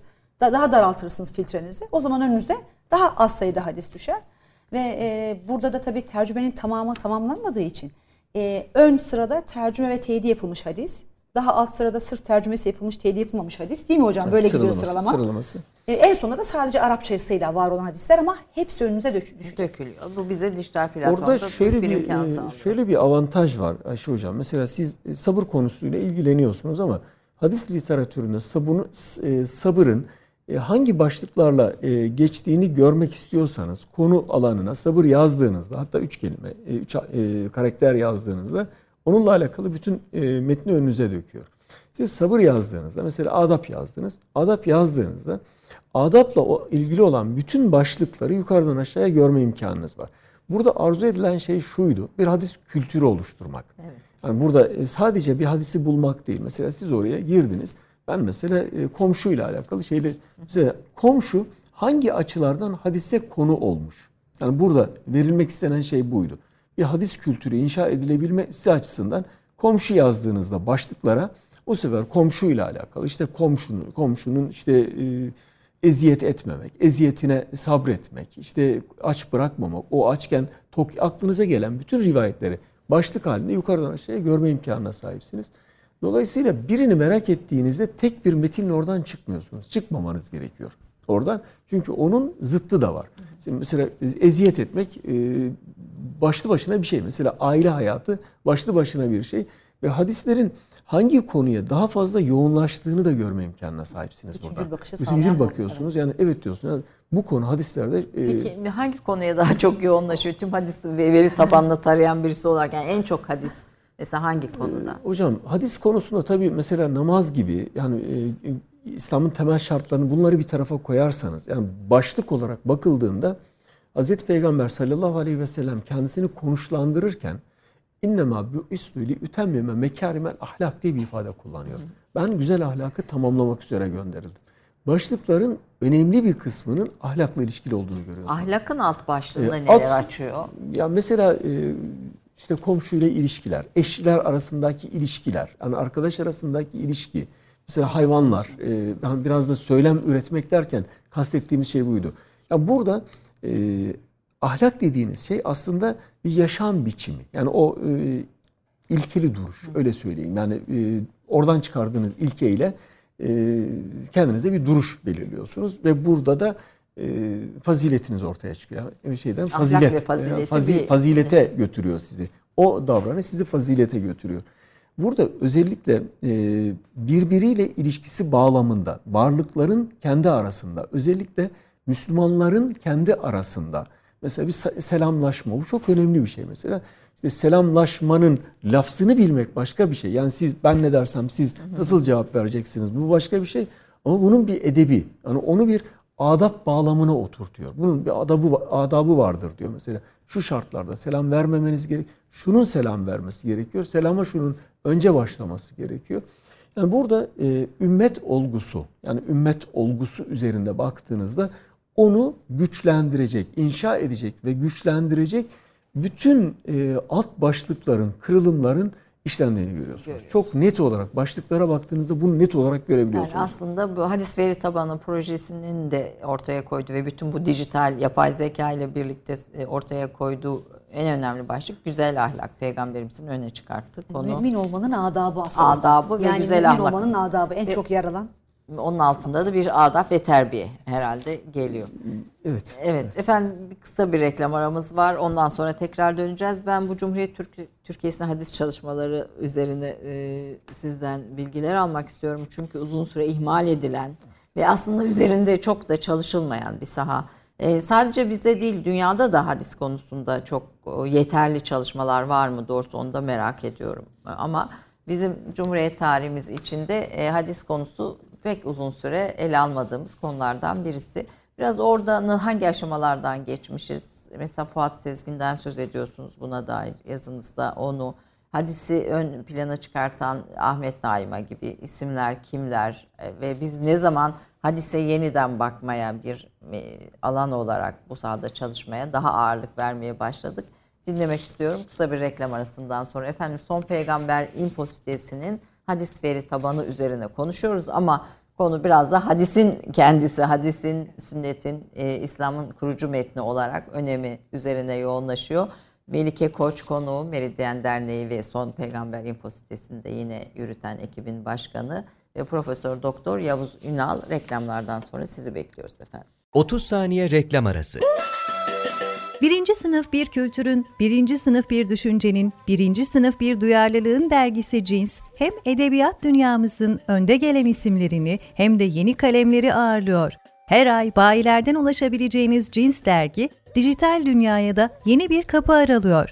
Sayfalara sığdıramadığımız kıymetli yazılar, merak ettiğiniz yazarlarla cins sohbetler, dergiden ekrana yansıyacak röportajlar ve tabii podcast. Şimdi sizleri cinsi tüm sosyal medya mecralarından ve gezete.com adresi üzerinden takip etmeye davet ediyoruz. Reklam arası sona erdi. Efendim e, Türk kahvesinde hadisler üzerine konuşuyoruz. Süremiz az kaldığı için artık ben böyle biraz hızlanarak e, devam etmek istiyorum. Siz dediniz ki Cumhuriyet sizin teziniz, doktora teziniz ve daha sonraki çalışmalarınız da bu yönde. Cumhuriyet tarihinde hadis konusuna uzun süre hiçbir önem verilmedi. Bu konuda çalışma yapılmadı. E, 1924 Ahmet Hamdi Akseki'nin Riyazü's Salih'in tercümesi için kaleme aldığı e, mukaddimede Tecridi Sarih. de e, Riyazi Salih'inde benim önümde not yanlış olmuş herhalde. Tecrid-i Sarih üzerine ki ilk çalışması var. Onun öncesinde Osmanlı'nın son döneminde e, hiç isim var mı dikkati çeken? Ee, ya öne çıkan bir isimden bahsedemiyoruz ama e, çalışmaların özellikle medresede okutulan, okutulabilmesi için derleme boyutunda kaldığını son asırda e, görüyoruz ama e, batılılaşma hareketi aslında e, bir bu tarafta bir reaksiyon oluşturması gerekiyor. Osmanlı'nın son Osmanlı. Osmanlı'nın son döneminde e, moda orada batı mesela işte Fransız mürebbiyesinin gelip çocukları eğitmesi gibi buradan başlayan ve devam eden e, batıdan bir takım şeylerin transfer edilmesi, e, değer olarak da e, değer skalasının üstüne konulması. Yani burada e, bir süreci e, belirliyor. Hadislerle alakalı e, Tabii Yani medreselerde hadis dersleri de biraz e, ehemmiyetini kaybediyor bu dönemde. Hadis dersi var medreselerde. Hadis dersi var ama e, bahsettiğimiz anlamda bir bütüncül yani Buhari okumaları bu, bunlar hatta e, Buhari hatmi yapılıyor. Yani bu kadar söyleyeyim. Buhari hatimleri yapılıyor. Ezberleniyor. Ezberleniyor. Hatimleri yapılıyor ve benzeri. Fakat e, söz konusu olan metin metin üretmeyi sürdüremiyor. Yani kendi bağlamında yeni metinler üretmeyi sürdüremiyor. Ahmet Naim'den bahsettiğiniz onun iki şeyi var. Ahmet Hamdi Aksek'ten Ee, önce Ahmet e, Naim'den söz Ahmet. Naim burada. Evet. E, Ahmet Naim e, özellikle öne çıkan e, isimlerden e, birisi. E, meclis tarafından bir işte e, kütüb sitenin tercüme edilmesi, işte hadis literatürünün işte tercüme edilmesi bununla alakalı aynı zamanda bir tefsir çalışması öngörüsü var orada. E, Ahmet Naim burada e, sadece tercüme etmiyor. Aslında yaptığı şey Buhari'nin muhtas, muhtasarı olan bir eserin tercümesini yapıyor ama bunu yaparken e, birikimin, kendi birikiminin, Osmanlı'nın o e, medresenin getirdiği birikim, biraz da felsefenin demek gerekiyor. Ulum-u İslamiye'nin farklı branşlarının oluşturduğu birikim üzerinden gerçekten orijinal o dönemin şartlarında çok mükemmel bir e, şerh çalışması yapıyor. Meclis tercüme- tarafından Meclis- Meclis görevlendiriliyor. tarafından görevlendiriliyor. Bunun e, özelliği burada buydu. Aynı şey- 1920-1950 arasında da en önemli çalışma bu diyebilir bu miyiz? farklı biraz şey ama e, hala mesela bak, şeye geçmişe bakıldığında son asrın en önemli çalışmalarından bir tanesidir. Önemli bir e, işte usulle alakalı bir değerlendirme yapıyor. E, burada harf inkılabı ve benzeri bir takım değişimleri düşündüğünüzde e, Ahmet Naim'in çabası aslında e, yeni dönemde yeni bir başlangıç olarak görülüyor. Belki eksen oluşturacak başlangıç olarak görülüyor. Ancak e, şartlar, o günün şartları işte ilahiyat eğitiminin, ilk medrese eğitiminin e, tevhid te- tedrisatla birleştirilmiş olması, ilahiyat eğitiminin e, uzun bir süre e, ara verilmesi, yani dini eğitim, dini tedrisat yapacak bir yapının olmaması, doktora gibi bir imkanın olmaması e, bilim dünyasının e, ilgisinin dışında kalıyor. Sö- Söz konusu olan. Bu e, Ahmet Naim'in eseri e, Diyanet İşleri Riyaset Başkanlığı tarafından 28-49 yıllar arasında 12 cilt olarak basılıyor. 12 bir de fihristi var. 13 Fihristi cilt var. olarak, 13, 13 olarak 13 ba- e, cilt basılmış. olarak basılıyor. O, Ee, o yıllarda başka bir eserde görmüyoruz. O Bu 40 yılların, o falan- yılların e, temel e, üretilen metin biçimi 40 hadis, 101 hadis, 52 hadis, 1001 hadis. Bu, Seçki. Seçki. Yani bunun karşılığı seçki. Tematik ve seçki. Onun rastgele metin seçmiyor aslında. İşte ahlakla alakalı işte ya da namazla alakalı, oruçla alakalı 40 hadis şeklinde. E, bu e, halkın zihninde hadisi hala diri tutan, hani ha- e, hadisle alakalı e, kültürünü sürdüren, besleyen bir süreç olarak gözüküyor ama e, ne zaman ki e, işte Ankara İlahiyat Fakültesi kuruluyor, arkasından da e, ilahiyat alanında e, doktora tezleri yapılmaya başlanıyor. Orada 3-5 tane isim, başlangıçta ortaya çıkan 3-5 tane isim ve bu isimler yükü sırtlanıyor aslında. Yeniden e, ilimi e, işte insanların e, gündemine sokmak yani akademinin gündemine sokmak noktasında ciddi bir misyon üstleniyorlar. Şimdi buraya bu bir kesinti olacak ama şöyle bir ara vereyim. Şimdi bu dönem Cumhuriyet'in ilk yılları bilimselci pozitif bilimler ya da dan bakışın hakim olduğu ve dinin de hayatın dışına dışlandığı ideolojik olarak da yaşam olarak da bir şey bir dönem. Burada bu bilimselci bakış bilimselci diye tercüme etmenin daha doğru olduğunu düşündüğüm bakış belki başka şey de söylenebilir. Ee, bu bakış e, ne kadar doğru hadis e, bu bakış hadislerin biraz kenara itilmesinde etkili oluyor mu diye sormak istiyorum. Yani aklın daha ön, ön plana çıkıp yani e, e, ve bu hadislerin de akıl süzgeciyle değerlendirilmesi nasıl bir güzergah yol or- ortaya çıkarttı? Burada bilimin kutsanması demek gerekiyor. Yani bilimin mutlaka bilime ihtiyacımız var. Hayatı e, on kolaylaştırıyor, onun üzerinden kolaylaştırıyor ama bilimin söylem olarak kutsanması ve argüman olarak da aklı kullanması e, özellikle farklı bağlamlarda biraz da kültürel çatışma söz konusu olduğu için iki farklı bağlam arasında kültürel bir çatışma var. Yeni bir dünyayı siz önemsiyorsunuz. E, burada e, uygarlık adına, medeniyet adına yeni bir dünyayı önemsiyorsunuz. Diğer dünyanın e, verilerini taşıyan, değerlerini taşıyan metinler doğal olarak geride kalacaktır, arka planda kalacaktır. Bu süreç yaşandı. Burada bilimin kutsanması, argüman olarak aklın kullanılması rivayetlerin değerlendirilmesi noktasında yani bunun bilimsel olarak değerlendirilmesinden bahsetmiyorum. Yani burada e, imhası, e, bunun bir şekilde e, itibarsızlaştırılması noktasında bir jargon olarak kullanmaya başlıyor. Mesela bilime aykırı. Ama burada bilimle neyin kastedildiği e, söylenmiyor. Mesela akla aykırı ifadesi kullanılıyor. E, akla aykırı ama akıl dediğiniz şey nesin? Yani neyi kastediyorsun akılla? Evet. Bunu sormuyorsunuz. Yani O orada- dönemin aklı O dönemin bazen. aklı. Yani o dönemin aklından ziyade aslında sizin e, kabulleriniz bu. Yani sizin kabullerinize, sizin kültürünüze aykırı olan her şeyi akla aykırı olarak e, tanımlamaya kalktığınızda bu e, izlerin birbirine karışması anlamına Tabii geliyor. bu, bu tabii Türkiye'nin batılılaşma hikayesinde bir paradoksu. e, Kendi bir kültürüne paradoks. yabancılaşmasının Aynen- bir aynen paradoksu. öyle. Aynen öyle. E, 60'lı yıllara geldiğimizde e, işte siz Hasan Basri Çantay'ın 40 hadis meallerini, Hüsnü Erdem'in Oruç ve Ramazan'ı, Mehmet Arif'in Binbir hadisini bu yıllar içinde söylüyorsunuz. Ondan sonra doktora tezleri Ankara İlahiyat'tan sonra yapılmaya başlıyor. Kimler ne çalışıyorlar? Şimdi burada e, belki Fuat Sezgin'i e, rahmetle anmak gerekiyor. Yani burada önemli isimlerden bir tanesi o. Buhari'nin kaynaklarıyla e, farklı bir perspektif getiriyor e, alana. E, Sayit Hatipoğlu hocam hala hayatta. E, Rabbim Aslında çok da arzu ederim e, programda konuk etmeyi. Rabbim e, kendisine sağlık, afiyet ve Evet. uzun ömür versin. E, ciddi bir katkısı oldu alana. E, Talat Koçyiğit e, yine hadis alanından konuşacak olursak bunlar alandan yetişen e, daha sonra da bunların yetiştirdiği işte bizim kuşak e, dediğimiz e, biz ara Hayrettin Karaman hocam e, tabii burada. Hayrettin Karaman hocam e, hadise gerçekten çok cid- ciddi katkı sağlıyor. Biliyorsunuz hukukçudur. İstanbul Fıkıh, hukukçusu, bir fıkıh fıkıhçıdır, alimi fıkıh olarak. alimi olarak. Fakat hadis usulünü yazan bir fıkıh alimidir.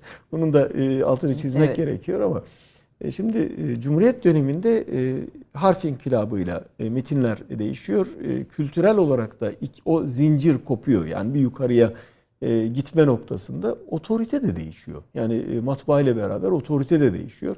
Yani ülemanın otoritesi kitabın otoritesine dönüşüyor. Yani e, orada Yazılmış yazılmış metinler. metnin e, ona dönüşüyor.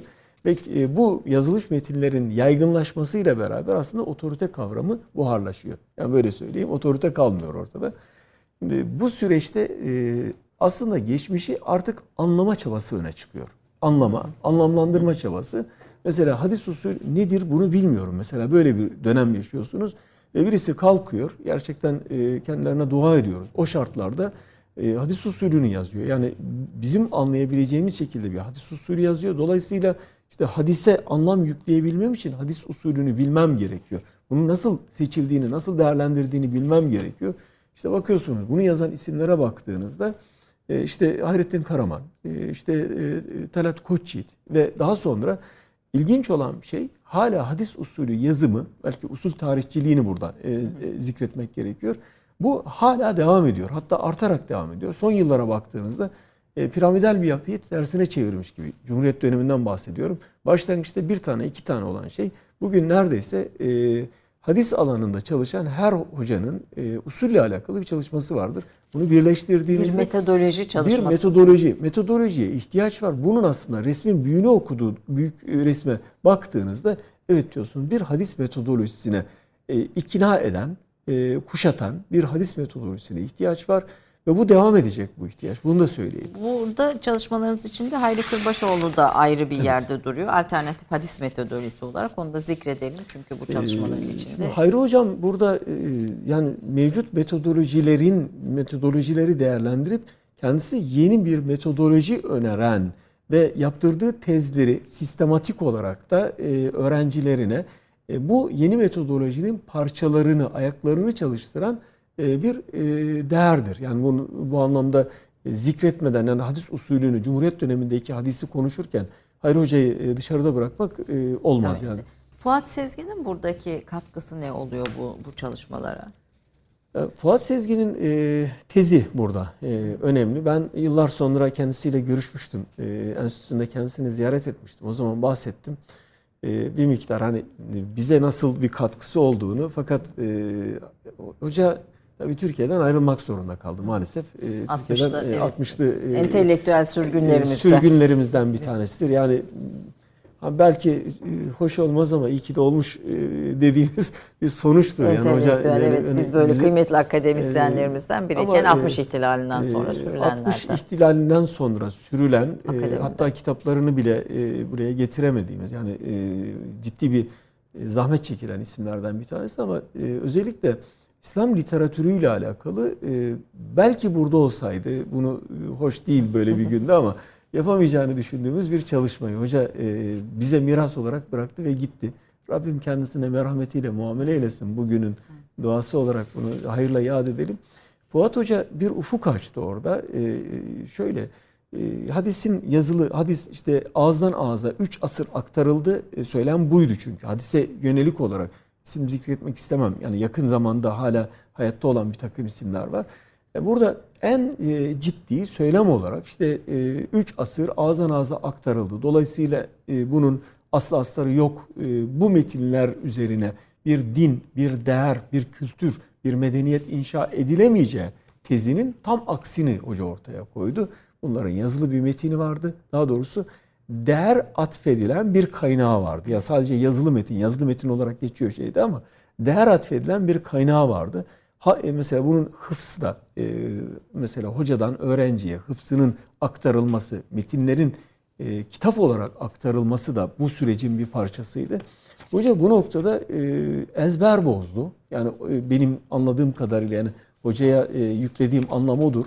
E, hoca ezber bozdu aslında. E, sonradan gelenler hocayı atıfta at, atfederek e, bazı çalışmaları yaptı. E, bazı ve hala da devam ediyor. Bunu da söyleyeyim. Aslında hoca bir çalışma yaptı, bıraktı, gitti. Başka alana kaydı ama o çalışma O bilim etkisini felsefesine kaydı evet, ama. e, o etkisini bizim toplumumuzda etkisini sürdürdü. E, çalışma yüksek lisans doktora imkanının oluşmasıyla beraber e, Türkiye'de bir derinlik oluşmaya başladı. Gerçekten çok güzel insanlar yetişti. Bugün mesela böyle bir projede e, 100 kişi bir araya gelebiliyorsa ki Hadislerle İstanbul'un ilk denemesidir. E, 85 kadar akademisyenin bir araya geldiği. Son peygamber Ee, infoda e, yüzün. yani her birinde mesela e, hadis camiasındaki arkadaşların e, bir araya geldiğinde ünvanı dışarıda bıraktıklarını bu çok e, net olarak söyleyeyim. Bu bir lütuf çünkü. Yani hoca öğrenci ilişkisi orada dışarıda kalıyor. E, bir bakıyorsunuz işte doktor olan birisi ya da doçent olan birisi kendi hocası, kendi jürisine e, giren bir hocanın önüne geçip bir şeyi çok rahatlıkla anlatabiliyor ya da eleştirebiliyor. Bu e, belki hadisin bereketi diye düşünüyorum. Dışarıdan E, biri olarak e, kesinlikle e, yani bu Hazreti Peygamber'in Dışarıdan değil siz e, içindesiniz. Yok öyle hani hadis e, ilmiyle meşgul değilim. Evet. Ama benim e, şu yıllar içinde hadis e, sahasında e, meşgul olan hocalarımla e, bu mesaimizde gördüğüm hep şu Ayşe Hanım. Artık Efendimizin ilmiyle, sözüyle meşgul olmanın verdiği bir şey mi sirayet ediyor onlara bilmiyorum ama gerçekten tam hocamın dediği gibi bu çalışmada iştirak etmiş bütün akademisyenlerimiz işte araştırmacısından profesörüne ve Yavuz hocam gibi çok büyük yıl emek vermişlerine kadar herkes orada titrini dışarıda bırakıp Efendimizin hadislerine, sünnetine hizmet için gerçekten çok farklı bir birliktelik ortaya koyuyorlar. bu büyük bir sinerji de Kesinlikle yani bu şükredilmesi kesinlikle. gereken bir Evet. e, nimet yani. E, Efendimizin yani bir araya geldiğinizde yani hiçbir kaygı e, taşımaksızın oturup bir şeyin peşine düşüyorsunuz. E, yani bazen sekreterlik yapıyorsunuz, bazen başka bir şey yapıyorsunuz ama kimse ben bunu niye yapıyorum demiyor. Yani Özverili işler de böyle e, çıkıyor hocam. şükrolsun Yani bu yani. özveri olmadan hiçbir iş Ee, çıkmaz hocam, zaten. e, belki bir sivil hareket demek gerekiyor. Evet, yani sivil- buradaki sivil- sivil, olması Evet. e, asıl gönüllü bereket- yani gönüllü ve olması. tabii kadınların işin Ee, idaresinde da- olmasının da da etkisi vardır efendim yani. Katmak Bu- lazım. Zikretmek Ya lazım. bunu da zikredi. Hadislerde yeri nedir bilmiyorum ama bu konunun. Ee, Hadislerde e, Hazreti Ayşe validemizin e, yeri e, çok önemli bir yerdir. Yani sadece o değil aslında. Birçok e, unsur var ama orada eleştirel e, bakışı yerleştiren temsilcisi olması açısından çok önemlidir. E, tabii ondan önce e, Hazreti Hatice validemiz var. Yani Aleyhisselatü Vesselam'ın arkasında dağ gibi duran e, duran bir bir kadın şükür var olsun yani. bir kadın Hocam var yani. belki alt projelerimiz var ya onlardan şükür birini de Ayşe. Hanım şimdi aklımıza getirdi bakarsınız. E, kadınlarla ilgili yapıyoruz. Çünkü bu proje Ayşe Hanım e, kendi içinde pek çok proje çıkaracak bir e, veri tabanı. Hatta bir tanesi Türk kültürünü etkileyen hadisler diye bir başlık. E, bu inşallah sonbaharda tamamlanacak değil mi hocam? Ee, Kültür Bakanlığı'nda da birlikte yaptığımız bir alt çalışma bu da. Belki bir tane de kadınlarla ilgili, ilgili çıkar hadiste kadınlarla merak, ilgili merakla bir çalışma yaparız. Çünkü en çok galiba uydurma hadisinin olduğu saha da kadın konusu hocam. Ee, kadın konusu e, ama e, format değiştirerek kültürün içerisinde metin üretilmeye devam ediyor. Aslında metin orijinaline bakıyorsun ya bu metnin aslında e, sahih değil ama bu metnin böyle bir kaynağı var diyorsunuz. Yani aslında aynı şeyi söylüyor. Bu bir sonuçtur. Bir de bunun tersi hiç alakası olmayan bir şey uydurulmak suretiyle oraya nasip edilmesi bu bir sonuçtur. Bu, pro- bu projenin önemli bir sonucu aslında e, kendisinin de beslendiği bir sonuç. Onu da söyleyeyim. Mesela uydurma rivayetler ya da halk ağzında dolaşan rivayetler neden böyle bir siteye yüklendi derseniz kültürümüzü şekillendiren hadisleri siz önemserseniz kültürümüzün kodlarını hadisler üzerinden, naslar üzerinden görürseniz böyle bir proje zorunlu hale geldi. Orada arzu ettiğimiz bir şey daha vardı e, Ayşe Hocam. E, bu alanda çalışanlar bizim sahaya e, çok vakıf değiller. Haklı olarak vakıf değiller. Yani bir dil problemi var. Bir de metodoloji problemi var. Buna vakti de eklemek gerekiyor. Danışmanlık da buna etkili. Ya o insanlara hazır veri sunmak, dolayısıyla e, İslam'la alakalı bir değerlendirmede bulunacaksa, bizim kültürümüzle alakalı bir değerlendirmede bulunacaksa, bu verilerin ışığında, gerçekliğinde bu yolu yürümesi gerekiyor, düşünce oluşturması gerekiyor. Bu nedenle e, hadis veri tabanı sadece e, günübirlik hayatta günübirlik ihtiyaçları karşılaması anlamında değil, akademiyi ciddi anlamda etkilemesini beklediğimiz, yönlendirmesini beklediğimiz bir veri bankası olarak ortaya çıkacak. İnşallah e, kısa sürede e, sonuçlanır. Yani e, Daha verim- daha daha, verim daha hızlı bir artar. şekilde, daha çok bilim bir şekilde. insanının da katkısını bekliyoruz bu İnşallah. Tercüme projeye. sürecinde özellikle. Tercüme sürecinde gönüllü çalışmalara açık bir şey ve bir konu daha çok insanın da katkısını bekliyoruz. Son artık programımızın sonuna geldik. Sizin proje ilişkin sözlerinizi dinlemek isterim. Sizin de bugün biz bugün dünyanın bin bir sorunuyla yaşarken dijitalleşmeden yapay zekaya işte gelecek tasavvurlarına tanrısız bir dünya e, hakimiyetine e, filan zihnimize empoze edilen onlarca boca edilen şeylere karşı hadisler bize nasıl bir yol gösterir? E, Peygamberimizin sünnetini nasıl en doğru şekilde ihya edebiliriz? Sizden başlayayım en son sözü Tamam. size bakayım. Buyurun. Pekala. Ee, öncelikle e, ya benim konuşmanın arasında geçen bir şey vardı. Söylem üretmek. Yani kendi metinlerini, kendi metinlerini değerlendirmek ve kendi metinlerinden söylem üretmek. Bu e, önemli bir imkan. E, metinler bu- bunu bize sağlıyor. Mesela insan hakları üzerinden gidilecek olursa, mesela insan hakları en çok kullanılan kavram olduğu için söyleyeyim bunu. Ee, İslam kültürünü ya da hadislerdeki insan hakları vurgusu ya da insan onuruna saygı, e, onun korunması, e, muhafaza edilmesi e, ve haklarının e, kendisinin değil, kendisinin dışındaki e, bireyler tarafından korunması, bu devlettir, e, sivil toplumdur, vakıftır ve benzeri. Bunlara bakıldığında aslında e, Batı dünyasında e, insan hakları kavramını jargon olarak kullanan hatta e, işte bir takım toplumları tımar etmenin aracı olarak kullanan bir e, zihniyet karşısında savunma pozisyonunda kaldığımızı görüyoruz. Yani insan haklarının e, orijinali, insan hakları daha doğrusu Yani insanla savunma alakalı psikolojisinde kalıp e, yeni söylem e, üretemiyoruz. Söylem diyorsun. üretemediğimiz için oysa ki bu söylemi bizim üretmemiz gerekiyordu. Yani burada insan hakları konuşulacaksa mesela soykırımlar yaşandı. Dünyada soykırımlar yaşandı. Ki bugün de mesela bir hala, şey yaşanıyor. Hala yaşanıyor. Mesela katliamlar yaşandı. E, ciddi anlamda sömürge, sömürgeleştirmeler yaşandı. Bütün bunlar karşısında biz e, dünyaya söyleyecek bir söz üretemedik diye ben açıkçası düşünüyorum. E, dolayısıyla e, söz konusu olan metinler eğer biz düşündüğümüz anlamda gündeme getirir, yaşadığımız dünyadaki sorunları ve nereye doğru evrildiğine bakarsak biz bu söylemi çok rahatlıkla üretebiliriz. Özellikle varlığımızı anlamlandıran hem Rabbimizle ilişkimiz açısından hem e, kardeşlerimizle ilişkimi hem de ötekiyle ilişkimiz açısından varlığımızı anlamlandıran söylemler üretmek zorundayız biz. Ve bu çalışmanın e, ümit ettiğimiz sonucu, en önemli sonucu e, yeni metin üreten genç beyinlere ihtiyaç var. Yani farklı kültürlerden beslenmiş ama İslam konusunda bilgisi sağlam olan, e, sabiteleri güçlü olan e, insanlar tarafından üretilecek metinlere ihtiyaç var. Aslında insanlığın buna ihtiyacı var. İnsanlığın bugün Hazreti Peygamber sallallahu aleyhi ve sellemin mesajına her zamankinden daha fazla ihtiyacı var. Yani geçmişte puta tapıyordu ama bugün tanrısız bir dünya inşa etmeye kalkıyor. Aslında tanrısız bir dünya inşa ederken kendi tanrılığını e, ortaya insan kendi kendine, İddiasını koyuyor Kendi, ortaya. evet kendi kendine tapmaya başlıyor. Böyle bir süreç içerisinde. Dolayısıyla evrilen dünyada, yeni dönemde Müslümanların e, sahneye çıkması gerekiyor. Müslüman entelektüellerin sahneye çıkması gerekiyor. Evet. Bu, bu yeni bunu da bir fırsat olarak görelim. Melike Hanım son söz sizin efendim. Ee, biz Meridyen olarak Son Peygamber Info ile başlayan e, Efendimiz'i anlama ve anlatma gayretimizde daima akademiyle sivil toplumun sizin de dikkat buyurduğunuz gibi işbirliğine yürekten inandık. Bu çalışma da aslında bu işbirliğinin tecessüm etmiş çok güzel bir örneği. Ve e, Peygamber Efendimiz'den bize kalan o nebevi mirasa sahip çıkma güdüsüyle bu bizim açımızdan sanki bir sünnet-i ihya projesi gibi bir nevi. Bu anlamda bu çalışmanın hocamın da buyurduğu gibi hem ilahiyat alanında hem ilahiyat dışındaki alanlarda çalışan uzmanlara bir başvuru kaynağı olması, bizim gibi ilgili internet kullanıcıların da başvuracakları bir sıhhatli, güvenilir, Kaynak. donanımlı bir başvuru kaynağı, Teyidi çevrim olan. içi başvuru kaynağı olması gayesiyle yürüttüğümüz bir çalışma. Yine tekraren belirteyim hocam bir an söyledi ama yine ben altını çizeyim hocam müsaadenizle.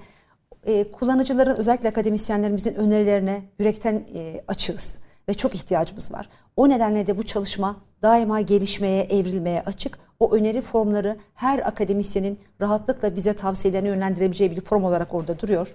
Tercüme ve teyit çalışmaları sürdüğü için tabii ki tercüme için yine kıymetli hocalarımızın desteğine ve e, ilmi çalışmalarının yoğunluğuna rağmen bize vakit ayırmalarına ihtiyacımız var. İnşallah hayra vesile olur diye umuyoruz. Bu- Dünyada bir örneği var mı Melike Hanım? Arapça var. Hocam bilir. Türkçe olarak bizim coğrafyamızda değil. Yok yani bizim coğrafya yani Türkçe başka olarak- baş- Arapça var mı? Yani Arapçada da e, aslında bu formatta yok. Bu formatta Hayrettin- sanki- Benzer bir Hayrettin- çalışma var. Hayrettin Karaman Hoca'nın o açılışta yaptığı bir konuşma vardı. Bu formatta yok. Evet. Biz aslında kendi bağlamımız yani e, dünyayı kastediyorum. Biz kendi bağlamımızda çözüm üretecek e, tamamen kodlaması dahil. Her şeyi- Efendim kodlaması biz Türkler bize- olarak bunu yaptık diyebilir miyiz? Kesinlikle. Yani yazılımıyla, kodlamasıyla, Her şeyle- her tamamıyla ait.